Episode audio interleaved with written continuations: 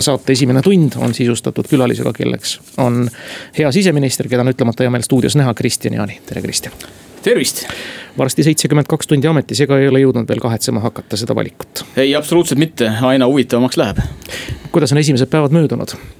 esimesed päevad on möödunud positiivses mõttes eh, huvitavad. Eh, tempo on eh, korralik aga jällegi kogu selle korraliku tempo juures tõepoolest on see, et eh, juba ikkagi õpid väga palju ja näed asju ja oled asjade sees, eh, mida ennem ei kujutanud ettegi. Eh, eks kogu see poliitiline lugu oli ju varasemas elus ikkagi väga kaugel, loomulikult ma jälgisin, lugesin lehti ja vaatasin uudiseid. aga, aga see on olnud huvitav ja, ja, ja, ja see aitab ka tempos püsida. no päris kaht kahtlemata see nõndaviisi ongi, aga nüüd nii-öelda põllult ära tulla, teades ise seda põllukogemust ja seda väärtuslikumana kaasa võtta, siis poliitika kujundajana, kas te nüüd kujutate ette, et te saate tõesti ja olete aru saanud, et te saate neid protsesse mõjutada, mis edaspidi teie kolleegide tööd näiteks äh, politseis paremuse poole mõjutavad? eks kindlasti see ju eesmärk on, sest äh, minna siseministriks äh, mõttega, et mitte midagi mõjutada ei saa, ei ole ju mõtet minnagi kindlasti saab mõjutada, aga saan ka väga hästi aru, et on väga palju äh, erinevaid partnereid loomulikult, kellega tuleb äh, kõik erinevad mõtted ja. ja eesmärgid äh, läbi rääkida, aga jällegi, kui me räägime siseministeeriumi haldusalast või noh, sisejulgeolekust tervikuna. siis ei ole vaja ju tegelikult vaielda mitte kellegiga sellel teemal, et kas mitte meil ei ole ühine eesmärk, et Eestis oleks turvaline elada. kõik elanikud, kes siin on, peaksid Eestit kõige paremaks paigaks maailmas ja mida see siseministeeriumi haldusala siis teeb, sellega ju tegelebki olete saanud ennast nüüd süvitsi kurssi viia ka nende teemadega, mis otseselt äh, politsei poolt teostatavasse julgeolekusse ei puutu, ehk siis saanud briifi nii kapolt, päästeametilt ja muudelt allorganisatsioonidelt, kes siis siseministeeriumi alla kuuluvad. jah, see märkus on väga õige, et tõepoolest, et äh, politsei piirivalveametist tulles on see ju ainult üks väike osa äh, siseministeeriumi haldusalast ja väga olulised haldusalad on tõesti sellised, kuhu ma alles hakkan minema külastama, suhtlema nendega. loomulikult ma tean enam-vähem nendest kõikidest midagi, ma ju olen oma eelmise karjääri jooksul väga palju kokku puutunud nii päästjatega, häirekeskusega, sisekaitseakadeemiaga. aga need külaskäigud asutuste juhtidega on ees, algavad järgmisel nädalal juba. ja loomulikult ma käin ära ja saan kindlasti veel ja veel targemaks ja kuulata ära ka nende inimeste pikad perspektiivid, arengustrateegiad ja nii edasi kui tohib natukene saladuskatet kergitada ja võib-olla üle rääkida ka veel see lugu, kuidas teist siis minister sai, see sõna otseses mõttes sündiski üleöö. see täpselt nii oligi, et see sündiski üleöö. Reede õhtul äh, kõne tollase peaministri Jüri Ratase poolt ja otsus laupäeval. ja mis siis ajendas seda otsust lõpuks tegema? otsust ajendas tegema kõigepealt see, et äh, perekond oli igati toetav, et sealt ei tulnud sellist äh, emotsiooni, kust võiks nagu arvata, et ära sa selle hullusega nüüd küll kaasa mine. vaid see oli toetav ja see oli esimene märk, et tasub kaaluda. Ja teisalt loomulikult ka see, et hästi pikalt olles üle kahekümne viie aasta ühes ja samas valdkonnas kaheksa aastat tippjuhina, sealhulgas samamoodi kaheksa aastat olla ka Politsei- ja Piirivalveameti juhtkonna liige.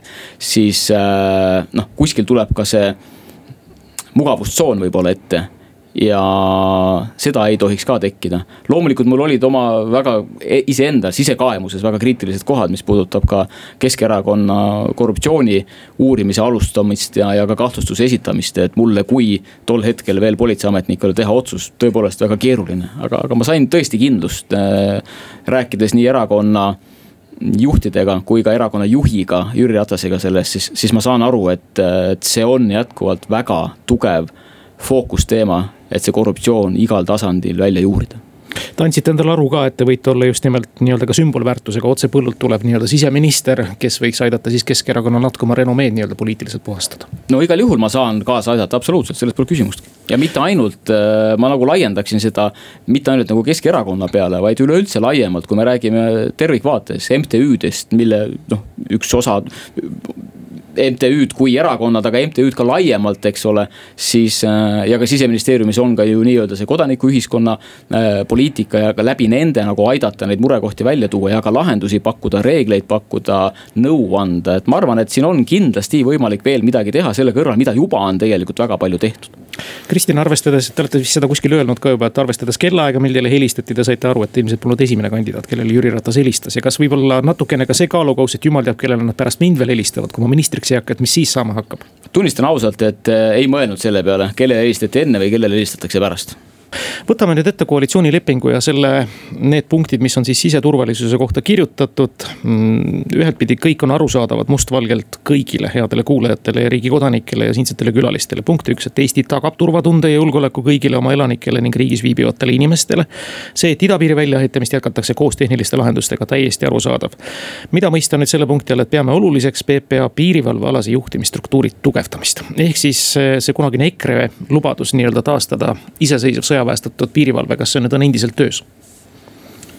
endiselt on töös see, et äh, räägime Politsei- ja Piirivalveametist äh, täna ja tulevikus. Äh, ja Politsei- ja Piirivalveametis ju juba eelmise koalitsiooni ajal tõepoolest loodi ju ka Politsei- ja Piirivalveameti peadirektori kõrvale nii-öelda siis või alla peadirektori asetäitja piirivalve ajal, alal ehk siis piirivalveosakond ja, ja loomulikult see piirivalveosakond jätkuvalt areneb ja liigub edasi nii erinevate funktsioonidega, arendustega ja nii edasi, nii et noh, see ongi see tugevdamine nii-öelda.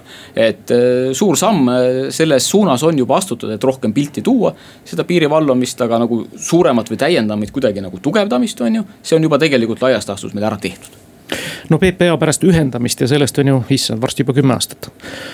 niikuinii selles suunas asunud, et absoluutselt kõik Politsei- ja Piirivalveameti töötajad peaksid olema võimekad. noh, konstaabil piltlikult öeldes kontrollima piiri ja kontrollima passi ja piirivalvur vastupidi siis tegema näiteks joobisjuhtidele reidi püüdmisi, et see ühtlustamine ju käib niikuinii täie hooga see ühtlustamine algab pihta tegelikult juba Koolist. Sisekaitseakadeemiast, et meil on tegelikult ju selline universaalne õppekava ja see nii-öelda spetsialiseerumine tekib seal äh, lõppstaadiumis. nii et selles mõttes on sul nagu õigus, et äh, noh, Politsei- ja Piirivalveameti eelis ongi see, et neid töö, töid ja karjääri mida erinevates valdkondades teha või teenustes, mis PPA-s on olemas. noh, see on ideaalne koht noorele inimesele, kuhu tulla, kasvada, karjääri teha. et põhimõtteliselt alates äh, laevamadrusest, lõpetades nagu piloodiga, on ju.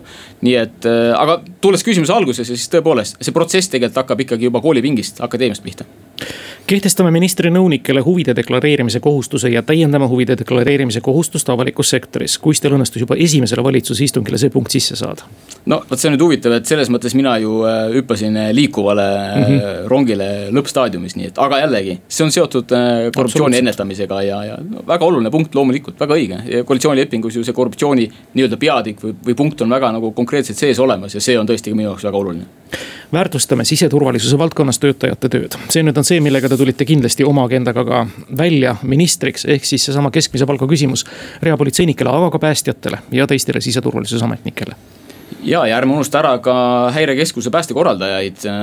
võib-olla tihtipeale ongi see, et inimene, kes vajab abi, näeb äh, seda abi sellisel kujul, et tuleb äh, päästeauto vilkurite signaaliga või tuleb politseiauto vilkurite signaaliga. aga see on selle reageerimise lõppfaas, ta ei näe seda inimest, kes võtab vastu selle kõne, mis tehakse üks, üks kahele ja inimene, kes on häirekeskuses ja töötleb seda kõne, lohutab seda abi vajavat, tagab selle oleks, et oleks nagu kiire reageerimine.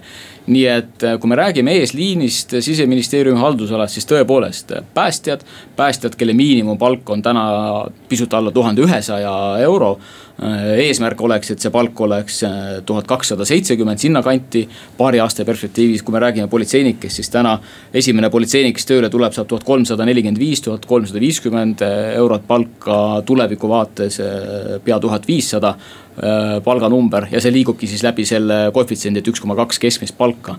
nii et tõepoolest hästi oluline on see, et see eesliin oleks väärtustatud ja selle väärtustamise all eelkõige me räägime ka sellest, et see palk oleks Bertuslik.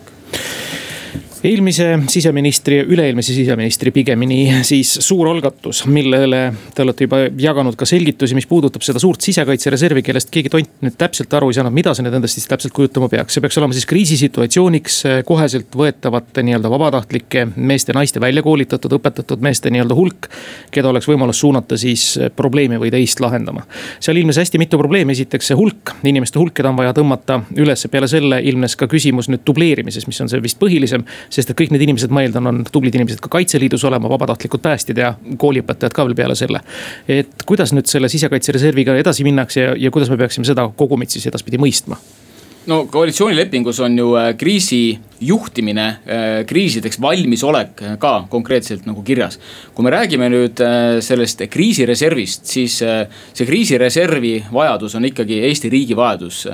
ma ei paneks seda kuidagi nüüd nii, et Politsei- ja Piirivalveameti kriisireserv, kuigi jah, enamjaolt tehakse ikkagi nendega seda koostööd ja ollakse ka nende nii-öelda noh, egiidi all või nende hõlma all mis asi on kriisireserv, kriisireserv on tegelikult äh, abipolitseinikud.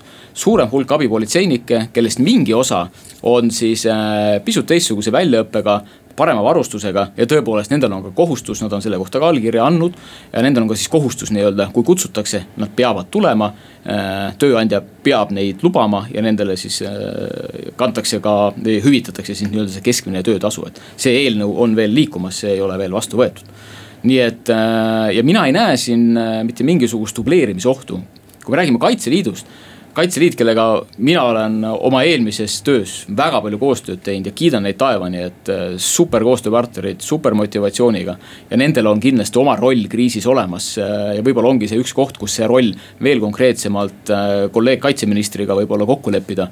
ja, ja kui see oleks väga konkreetselt kokku lepitud, võib-olla mingisugustes funktsioonides, toimepidevustes, siis see kriisireservi hulk ei pea olema nii suur võib-olla, kui ta täna on meil äh, välja käidud. aga jällegi, kriisireserv, see kriisireservi vajadus tegelikult äh, on ka ju igapäevaselt selles mõttes, et äh, kui see täna oleks olemas, siis Politsei-Piirivalveamet võtaks sealt ka inimesi, keda saata täna õhtul võib-olla patrullima kuskile Eestimaa otsa, eks ole.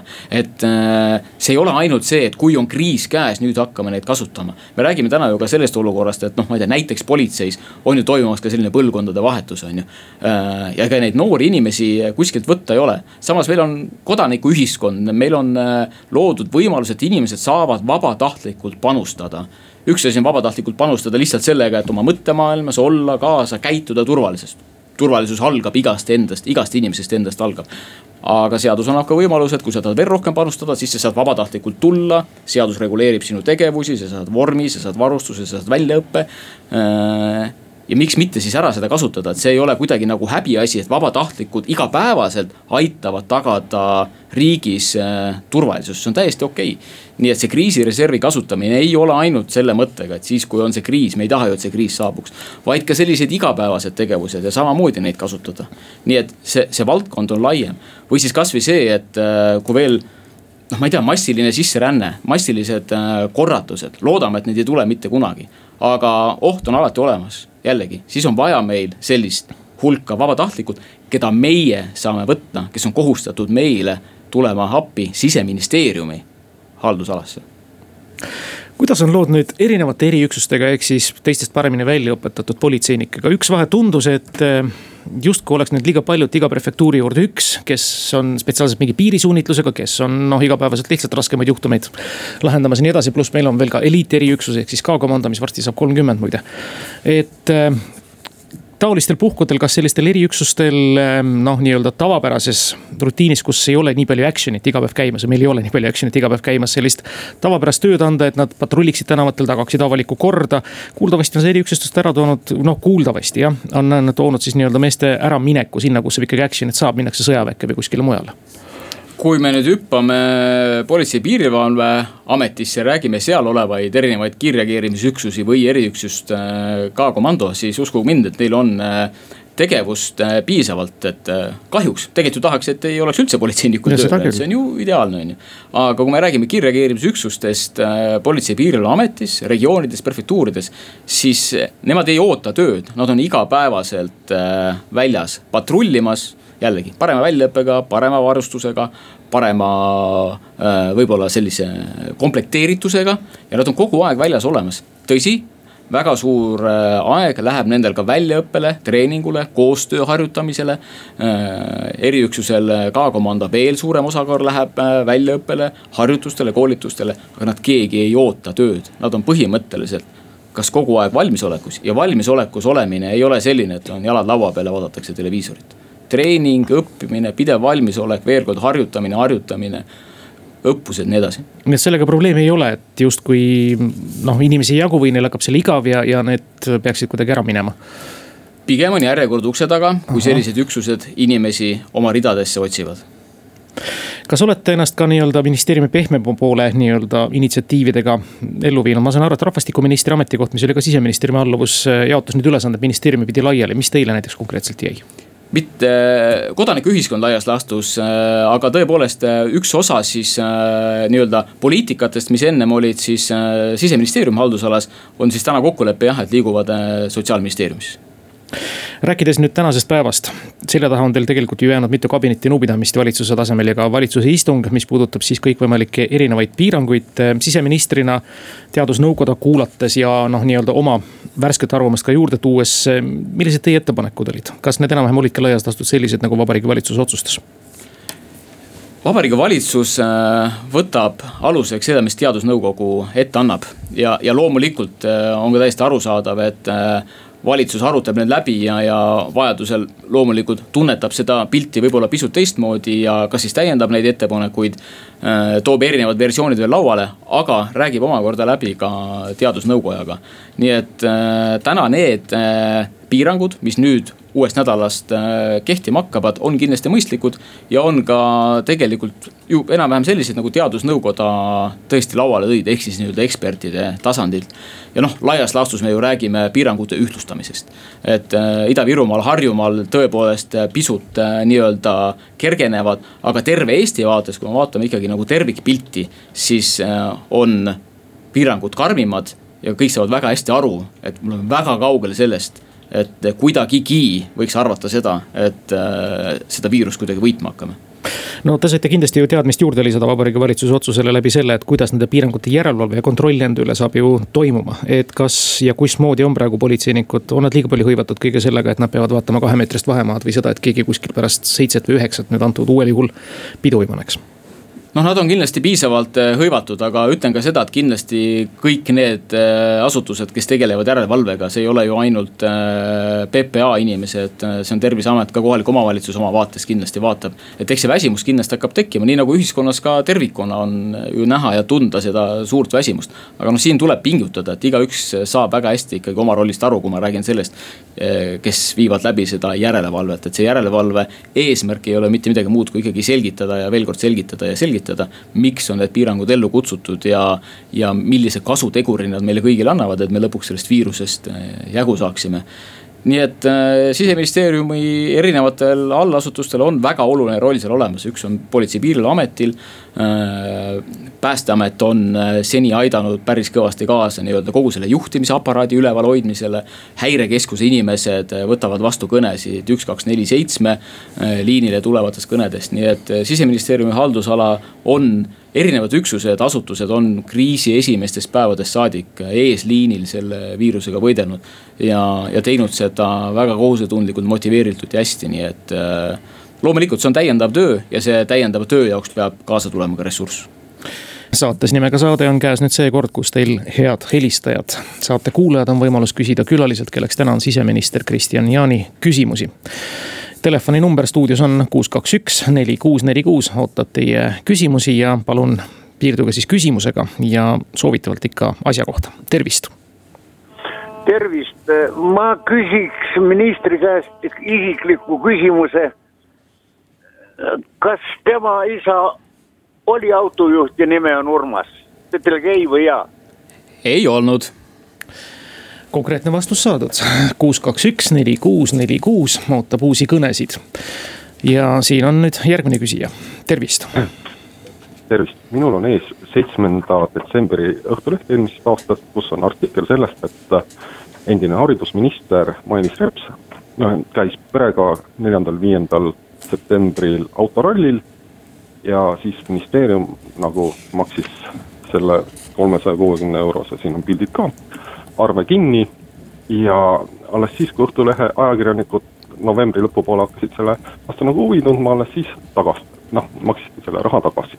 minu küsimus teile on, et kuidas teie nimetate seda, on see vargus või varguse katse või, või noh, mis see nagu teie politsei juristi keeles on ja, ja kas te lubate, et, et seda juhtumit ei panda kalevi alla ja kui järgmine kord, kui te siia saatesse tulete, võite öelda, et see juhtum on nagu saanud selguse, et mis asi see siis on ja aitäh küsimuse eest, et äh, ma saan juba kinnitada, et seda ei ole ju pandudki kalevi alla, vaid äh, väga tublid menetlejad äh, Keskkriminaalpolitseist on tervikvaates seda väärtegu ehk siis korruptsiooni väärtegu täna lahendamas ja kindlasti jõuavad väga õiglase lahendu-, lahenduseni. Aitäh helistajale! Ja kuus, kaks, üks, neli, kuus, neli, kuus on järgmise kõne ja küsija vastu võtnud, tervist. tervitan, tallinlasena tahaks uuele tublile ministrile soovida kõike kõige paremat tööjõudu tema raskes töös, see on esimene. ja teine on küsimus, eelmisele ministrile tallinlased ütlesid, et meie linn on samuti nagu Beirutigi suures, suurõnnetusohus, kas eelmine minister selle teema andis üle oma järgmisele kolleegile. No vot raske nüüd arvata, mida selle all mõeldi eh, suurõnnetuse ohus et äh, kindlasti need valdkonnad, mis puudutavad kriisideks äh, valmisolekuks ja üks valmisoleks, üks mõte, et kriisideks valmisoleku vaates on kindlasti ka see, kuidas me oleme valmis erinevateks äh, suurteks õnnestusteks. me kindlasti loodame, et selliseid suurõnnetusi ei juhtuks, aga me ju väga hästi teame, kustkohast sellised suurõnnetused siin Tallinna regioonis, pealinna regioonis tulla võivad, aga ma tean ka väga hästi seda, et, et kuidas selles ennetavas vaates on äh, valmisolek tagatud päästeametis. või kuidas ka nendes konkreetsetes ettevõtetes, sest tegelikult väga suuresti see äh, suurõnnetusteks valmisoleku tagamine ja ennetamine on tegelikult nende ettevõtete enda asi väga suuresti ka. aga päästeametil kindlasti ka väga oluline ja suur roll siin ja tean ka väga hästi, kuidas äh, päästeamet selleks valmis on kuus, kaks, üks, neli, kuus, neli, kuus, telefon on helisenud, tervist. me tööt-, me töötame härra Rüütliga sellel teemal juba kümme aastat vabariigi juhtkond on antud kohtusse, et me ei täida rahvusvahelisi reegleid, see ei ole ametniku küsimus, see on kindlalt peaministri ja siseministri organiseerimata töö, see on väga tõsine küsimus mm. -hmm. see oli vist pigem kommentaar, mille kohta ma küll täpselt aru ei saanud. küsides nüüd korra selle korruptsioonijuhtumi kohta, kuivõrd elevant on ikka natuke toas ka, suure kõrvaga vähemasti. kuidas sellega on, olete enda jaoks nüüd ära klaarinud selle, et kui palju te ennast isiklikult hoiate kaitsepolitsei menetlusega kursis ja lasete ennast kursis hoida? või on teil kergem seda teadmist mitte omada selleks, et ei oleks ka kiusatust peaministrile näiteks aru anda, vabandust, erakonna esimehele? ja asutused, mis on siseministeeriumi all, olgu see siis äh, Politsei- ja Piirivalveamet või, või, või Kaitsepolitseiamet, siis äh, loomulikult need asutused on väga iseseisvad. ja tegutsevad ise selles õigusruumis, kus nad tegutsema peavad, et see ei ole mitte kuidagi siseministri asi aga kui nüüd mingisugune oluline operatsioon leiab aset, ilmselt siis vahetult enne operatsiooni öeldakse ministrile, et me läheme nüüd realiseerima või mingisugune pikemalt tiksunud kriminaalasi, mõned valikuliselt, see vist on asutuse enda juhtide teha, kas ta annab teada või mitte? See on asutuse juhtide tunnetuse küsimus ja ma julgen öelda, et see tunnetus on väga paigas, et millal peaks olema siseminister mingisuguste operatsioonidega kursis ja millal ta võib seda lugeda ajalehest, aga see tunnetus on väga hästi olemas. kuus, kaks, üks, neli, kuus, neli, kuus on telefonikõne vastu võtnud, tervist. tere. kuuleme teid. tahtsin küsida täpsustavalt küsimuse, et enne kui saatejuht vihjas seal eelmise ministri, üle-eelmise ministri Mart Helme siis nendele ettepanekuteni, millest keegi nagu aru ei saanud, et äh, kas me nüüd võime siis väita, et ministri selgitustel siis Mart Helme väga rumal inimene polegi, et, et täitsa mõistlik ettepanek selle lisaressursside nagu koha pealt. aitäh see, kui me räägime kriisireservist, siis see, et meil oleks äh, sisekaitses olemas äh, rohkem vabatahtlikke, on kindlasti tükimaad vanem mõte ja eesmärk kui eelmise koalitsiooni poolt äh, lauda toodud. kuus, kaks, üks, neli, kuus, neli, kuus ja rõõm on näha ja tõdeda, et küsijaid ja arvajaid on täna palju, tervist. tere jõudu, mul on väike soovitus uuele ministrile, et kuna see ressurssi personali osas on üsna keeruline leida ilmselt siis äh, teadupärast äh, politseiametnikud jäävad üsna vara pensionile, viiskümmend aastat, et kindlasti peate leidma motivatsioonipaketti, et neid mehi kaasata. et nad ei, ei soostuks jääma pensionile, vaid niisuguseid kogenud mehi võimalikult pikalt töös hoida. et minu teada täna on äh, üsna, üsna aktiivselt minnakse ikkagi selles viiekümne aastases vanuses pensionile, et ma, kui ma, kui ma ei kahtle, siis tänane ministergi vist oleks varsti kvalifitseerunud pensionärina, et, et see viimane fakt, see viimane fakt tõele ei vasta, Neister on väga noor mees veel. aga minu teada on see seadusemuudatus vastu võetud, mis lubab kõrvuti teha politseitööd, pluss veel ka saada politseipensioni jaa, täpselt nii on, et äh, mitte ükski politseiametnik ei pea minema viiekümne aastaselt äh, pensionini ja tõepoolest on ka olemas täna seadusesse kirjas, et äh, kui inimesel tekib võimalus nii-öelda vormistada ära enda pension, siis ta võib paralleelselt jätkata ka politseiteenistuses. ja see ongi see motivatsioonipakett, et ta saab nii palka oma töö eest kui ka pensionit, mille on ta auga välja teeninud. jah siin on ka nüüd see, et äh, eelmise aasta esimesest jaanuarist eripensionite süsteem politseinikele kadus ära.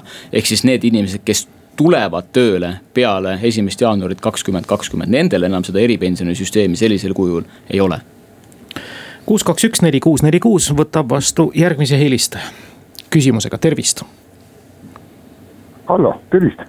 kuuleme teid mul on värskele siseministrile üks küsimus, tähendab, et kuidas tema suhtub või kuidas siseministeerium suhtub sellesse projekti, et igasuguse liiklusavarii kõksi pärast, no kui on mingi värv natuke maas või väike kõks olnud, peab tulema, tähendab siis ühe osapoole nõudmisel kohale see operatiivgrupp või siis liiklusgrupp. et kas praegune, mingi jutt on siiamaani olnud, et see läheb liikluskindlustusele, aga, aga, aga tegelikult siiamaani käivad ju need politseigrupid ikkagi väljas, mul oli just üleeile oli see majas oli. no ühesõnaga kaks lolli said kokku, väike pliki mõlkimine, ootasid kaks tundi, siis nad ei saanud kokkuleppele, siis tuli kolme, kolme patrulliga. tuli politseinik kohale, kes müttasid ka siin kaks tundi, tähendab, et kas see on nagu mõistlik või kuidas siseministeerium suhtub, kas ta peaks minema liikluskindlustusele või peab jääma sama süsteem, mis on praegu, et politsei sõidab igale värvikriimule pea kohale. Aitäh küsijale, väga hea küsimus. tänane ressursikasutus äärmiselt ebamõistlik, aga täna ta paraku tõesti nii on, et kui on pleki mõlkimine ja inimesed omavahel kokkuleppele ei jõua, siis peab sinna politsei reageerima. Ja seda tihtipeale peab ka päris kaua ootama. Täna on plaan ja ma väga loodan, et see plaan ka realiseerub, et kui meil on tõesti see niinimetatud pleki mõlkimine kus äh, asjaolud on selged, aga ei pea ka alati asjaolud selged olema. aga selle edasise lahenduse võtab enda kätte kindlustusselts. järgmine nädal näiteks on toimumas ka valitsuse liikluskomisjon ja ka seal on äh, see temaatika meil laua peal ja ma väga loodan et me jõuame selleni, et politsei ei peaks käima sellistel liiklusõnnetustel minu teada vist on algatatud täitsa seaduseelnõu väljatöötamise kavatsus asjaomastes ringkondades ja Sirle Loiga siin mõni nädal tagasi sellest kavatsusest ka täitsa pika intervjuu andis. nii et see asi liigub sinna suunas, ütleme siis järele. täpselt nii on. tervist. ja kuuleme. tere teile. Tere. ma ei tea, kas te, veel keegi räägib või? ei räägi, teie räägite. Äh, nii, ma kuulasin ähm, äh, esmaspäeval saadet Katrin Lusti saadet ja see oli südantlõhestav, see saade, mis puudutas ka politseid selles osas. see puudutas Pärnut, Pärnus kaks tütarlast, nii neljateistaastased, nii oma vanematele sõnakuulmatud, et vanemad ei olnud, ema ja isa ei olnud võimeline neid eh, tasutama ja neid korrale kutsuma, siis nad ööbisid ja laamendasid Pärnu bussijaamas. kas seal Pärnu, Pärnus on siis see kord nii hullusti käest ära, et ähm, oli ka nii, et, et tütar palus, et eh, viiskümmend kilomeetrit tuleks talle, ma ei tea, kas isa vist järele, aga isa oli äh, nägemispuudega, tal ei olnud autot. ja, ja politsei vastas selle peale, et nendel ei ole ressurssi kulutada selle peale küsimus oli väga valus, oli, see oli nii valus vaadata. Ka varem on politsei teinud koostööd, tähendab Katrin Lusti niisugustele ähm, avastustele ja tähelepanekutele on ka appi tulnud. Et kuidas see Pärnus, seal inimesed ütlesid, et, et Pärnus on, liiguvad niisugused pätikambad et kas, kas see on tõesti tõsi või kas seal Pärnus eh, siis oleks võimalik ka, et, et noori inimesi mitte käest ära lasta, meie oma Eesti tüdrukuid, et lähevad niisugune narkogruppidesse ja, ja laamendavad ja joovad ja, ja korrale ei saa neid keegi kutsuda. Aitäh, proua, pikk põhjalik küsimus. aitäh küsimuse eest ja, ja kommentaaride eest ei ole küll isiklikult seda saadet näinud, aga tegelikult äh, räägite väga õigest murekohast ja see on see murekoht, mis puudutab seda, millised on meie noorte, meie laste, aga mitte ainult äh, murekohad, äh, millised on need vaimsed mured ja väljakutsed nendel inimestel. ja ma olen täiesti nõus, et selle valdkonnaga peab tegelema. Politsei on siin kindlasti nõustavas rollis, abi andvas rollis ja vaadates täna näiteks ka, millised on äh, eesmärgid või prioriteedid või, või suhestus näiteks heal koalitsioonipartneril Liina Kersnal äh, haridus-teadusministeeriumist, et äh, ka tõesti mureks kõik see, mis on noortega toimuvas, lastega haridusasutustes, kuidas neid abistada kuidas vaimsele murele toeks olla, nii et ma arvan, et me jõuame selle teie teemapüstitusega täpselt sinna kohta, et kuidas me oma noori hoiame. et ei jõuaks sellisesse olukorda, et nad on tänaval üksikuna äh, erinevate ohtude küüsis, nii et see, see mure on kindlasti ühiskonnas olemas ja. ja politsei on kindlasti siin abiks kohalikule omavalitsusele seal, sotsiaalkindlustusametile ja nii edasi, nii et äh, mure on tõsine, tegelema peab ja julgen ka kinnitada, et nii siseministeeriumile kui ka väga mitmetele teistele partnerasutustele, näiteks sotsiaalministeerium. on see väga oluline fookusteema, just nimelt noored, lapsed, kuidas nende muredega tegeleda, kuidas neid aidata. tervist. tervist. ministrile soovin jõudu ja edu. mul on kaks küsimust, kuidas te suhtute kiirmenetlusse, mis võtab kolmandiku kurjategijal karistust alla ja kas meie seadusandlus ei ole liiga pehme, aitäh. küll rohkem justiitsministeeriumi teema, aga saate kindlasti ju arvamust avaldada kui me räägime kriminaalmenetlusest äh, ja kiirmenetlusest, siis tõepoolest äh, pigem justiitsministri valdkond, kui me räägime laias vaates kiirest menetlusest, ehk siis menetlus on äh, kiirelt läbi viidud ja on ka õigusraamistik selleks olemas, siis see on äärmiselt positiivne, et ükski menetlus ei tohiks jääda venima võin jällegi näite tuua näiteks äh, sellest, kuidas me täna oleme kokku leppinud lähisuhtevägivalla kuritegude lahendamisel. kus äh, konkreetselt näiteks menetlusaeg Politsei- ja Piirivalveametis peaks olema mitte kauem kui kolmkümmend päeva ja seda ainult sellepärast, et mitte pidevalt taasohvristada seda kannatanut. ja et võimalikult kiiresti saaks see väga karm kaasus lahenduse, lahenduse juriidilises mõttes. aga see on ka äärmiselt oluline, sest äh, jällegi uuesti läbielamine, ülekuulamised äh,, nii-öelda taasohvristamine, seda ei taha mitte keegi. ja loomulikult kogu selle nii-öelda süüteomenetluse kõrval peab äh, väga hästi toimima ja täna on ka väga hästi toimimas see, et kuidas hoida ka vaimselt ja kuidas aidata seda ohvrit ka muudest aspektidest lähtuvalt, et mitte ainult nagu süüteomenetluses kuus, kaks, üks, neli, kuus, neli, kuus, uus helistaja on liinil, tervist. tere päevast, küsimus härra ministrile. minister on viimase nädala jooksul peamiselt äh, rääkinud politsei töö valdkonnast, aga siseministeeriumis on veel teisi valdkondi, et äh, kuidas plaanib uus minister edasi minna vabatahtlike päästjatega suhtlemisel ja üldse päästevaldkonnaga tegelemisel. ja teiseks, et kas on mingi muudatusega, ütleme sise, siseministeeriumi alla kuuluva dokumendihalduse migratsioonivaldkonna töös. Selles mõttes väga õige märkus, loomulikult äh, pean ka iseennast äh, pidevalt korrale kutsuma selle poole pealt ja, ja aru saama, et äh, siseministeeriumi haldusala ei ole mitte kuidagi ainult Politsei- ja Piirivalveamet, aga jällegi olles seal kakskümmend viis aastat töötanud, siis loomulikult ei saa kuidagi üle ega ümber, et politseil on eriline koht minu südames aga loomulikult, kui me räägime päästjatest, häirekeskusest, sisekaitseakadeemiast või, või SMIT-ist siis äh, nad kõik annavad väga olulise panuse Eesti siseturvalisuses ja, ja ma väga hästi saan sellest aru, nii et seda ei ole vaja kindlasti mulle meelde tuletada. siin käis ka eraldi läbi vabatahtlike temaatika, siis vabatahtlike temaatika ja valdkond on ka uues koalitsioonilepingus väga konkreetselt välja toodud just selle poole pealt, et. et kuidas neid vabatahtlikke motiveerida, hoida, väärtustada, et üks asi on ju see, et saada juurde väga palju vabatahtlikke olgu nad siis vabatahtlikud pritsumehed, merepäästjad, abipolitseinikud, aga teine asi on ka see, et vabatahtlik tahab, et teda rakendatakse, ta oleks motiveeritud, ta saaks koolitatud. et see on ka äärmiselt oluline, ehk siis kogu see motiveerimise pool ja sellega tuleb kindlasti veel ja väga palju tegeleda. aga äärmiselt olulised tegelased vabatahtlikud on ja kiidan takka ja alati imestan, et kuidas meil on olemas sellised inimesed, kes suudavad veel peale oma põhitööd tulla. ja vabatahtlikult panustada sellesse, et kõikidel Eestimaa inimestel oleks turvalisem olla, et see on, see on nagu uskumatu, mida meie vabatahtlikud teevad. kuus, kaks, üks, neli, kuus, neli, kuus ja taas on telefon helisenud, tervist. tere, Kuku. minul oleks niisugune ettepanek, et äh, nagu meditsiinis on profülaktiline ütleme hooldusravi või.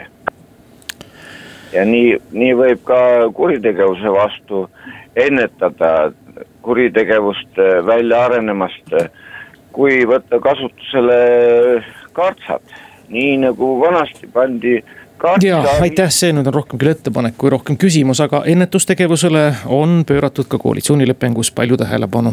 ja sellega tegeleb ka politsei igapäevaselt, kas just kartsa tasemel, aga no sellise motiveeriva vestlusega vähemasti küll. kuulame järgmist helistajat, kui ta meil liinil on, tervist. halloo. Äh, tere päevast, mul on küsimus siseministrile et äh, teatavasti on valitsuskoalitsioonil äh, mõte, äh, eesmärk lõpetada ära põlevkivienergia tootmine aastaks, kas ta oli vist kolmkümmend viis. et küsimus on selles, et kas, kas ja mis mõtted on seoses sellega siseministril, kas see puudutab ka siseturvalisust just nimelt eriti Ida-Virumaal, aitäh jah, koalitsioonis tõepoolest äh, sellised kokkulepped on tehtud ja see on ju väga pikk vaade, kui ma õigesti mäletan, aastaks äh, kaks tuhat nelikümmend. Äh, aga loomulikult, ega ma ei tahaks hakata selles mõttes kommenteerima teise ministri vastutusvaldkonda aga ma olen ka täiesti veendunud, et see temaatika on väga konkreetselt läbimõeldud ja mida varem sellised otsused vastu võetakse, siis, siis see annabki nagu sellise piisava aja kogu selle võimaliku ohuvaatega tegeleda ja nii edasi, edasi, nii edasi. et see, et kaob ära põlevkivitööstus, see ju tähendab seda jällegi, et asemele tulevad teised töökohad, et kui siin küsija mõte oli kuidagi liikuda selles vaates, et töötus ja nii edasi. siis see ei ole antud juhul ju see ohukoht, vaid on piisavalt aega Äh, selleks, et uued töökohad oleks loodud ja nii edasi kuus, kaks, üks, neli, kuus, neli, kuus, ootame aga uusi sekkujaid. kas senimaani muide, rääkides nüüd sellest regiooni põhisusest, aga ma jätan nüüd küsimuse lõpetamata, sest et helistaja on meil liinil, tervist. tere päevast, edu uuele ministrile tema raskes ametis. küsimus selline, et see võib-olla on ka äh, laiem küsimus kui ainult ühe ministeeriumi oma ja kindlasti ka suurem küsimus kui ka äh, Eesti Vabariik, et üha enam ja enam meil on olemas selliseid inimesi, kes on A, läbi põdenud koroona, kes on vaktsineeritud ja kes on juba kaks korda vaktsineeritud. kuidas lahendatakse nüüd üle maailma need küsimused, et need inimesed saavad siis ka liikuda riikide vahel, sest praegu on ju selline lõputu testimine piiridel ja nii edasi, aitäh hea küsimus ja saan teile kinnitada, et eh, need arutlused on valitsuses ka laua peal, kuidas selle temaatikaga edasi liikuda. kui me just nimelt räägime sellest, et eh, mis saab siis edasi, kui inimesed on vaktsineeritud või on nad haiguse läbi põdenud, kuidas siis suhestuvad nendesse erinevad liikumispiirangud, nii et see on meil lauas jah. ja kuus, kaks, üks, neli, kuus, neli, kuus. kui helistajat ei ole, siis saatejuht lõpetab omapoolse küsimusega. kus küsimus jäi pooleli, see, et meil tuleb jätkuvalt nüüd äh, motiveerimaks töötajaid minema ka sinna, kus neid tegelikult vaja on. jätkub diferentseerimine näiteks palga osas, politseinikel on selge, et Ida-Virumaal näiteks kõrgemad palgad. aga edaspidi ka muude sisejulgeolekut puudutavate töötajate osas. see vist jätkub veel mõnda aega ja see hetkel äh, tõepoolest äh, jätkub, et erinevates regioonides, erinevatel äh, noh, siseturvalisusesse panustavatel ametnikel on äh, palgad äh, diferentseeritud ja ma ka arvan, et äh, see on õige, et sellisel kujul palgas erisused on meil sees nüüd, kuivõrd igal siseministril on kombeks olnud vähemasti korra kopteriga sõita kolmikpunkti ehk siis kolme piiriühenduspunkti, siis millal teie kord tuleb? no minu erisus võib-olla on see, et mina olen seal käinud. korduvalt käinud, just aga see ei tähenda, et ma sinna ei läheks, et äh, kohtuda PPA inimestega, kohtuda samas regioonis meie päästjatega. teiste meie haldusala inimestega, nii et äh, loomulikult, et ma ei jää kindlasti äh, siia Tallinnasse istuma, vaid kindlasti satun ka sinnakanti. aga sellepärast, et suhelda nende inimestega, kes veel kord, kas pääste poole pealt, politsei poole pealt, kust iganes selles kandis enda panust annavad, nendega kohtuda, rääkida, suhelda, näha aitäh, Kristjan Jaani, selle tunni eest ka Kuku kuulajatele, soovime teile sel väga kiirel ajal loomulikult edu, jõudu, palju jaksu ja ma usun, et seda jaksu teil tegelikult jagub tulenevalt siis süsteemist, kust te tulite. ja ülesannetest, mida te senimaani täitsite. peaasi, et kõik head mõtted saaks ellu viidud, aitäh veel kord. aitäh teile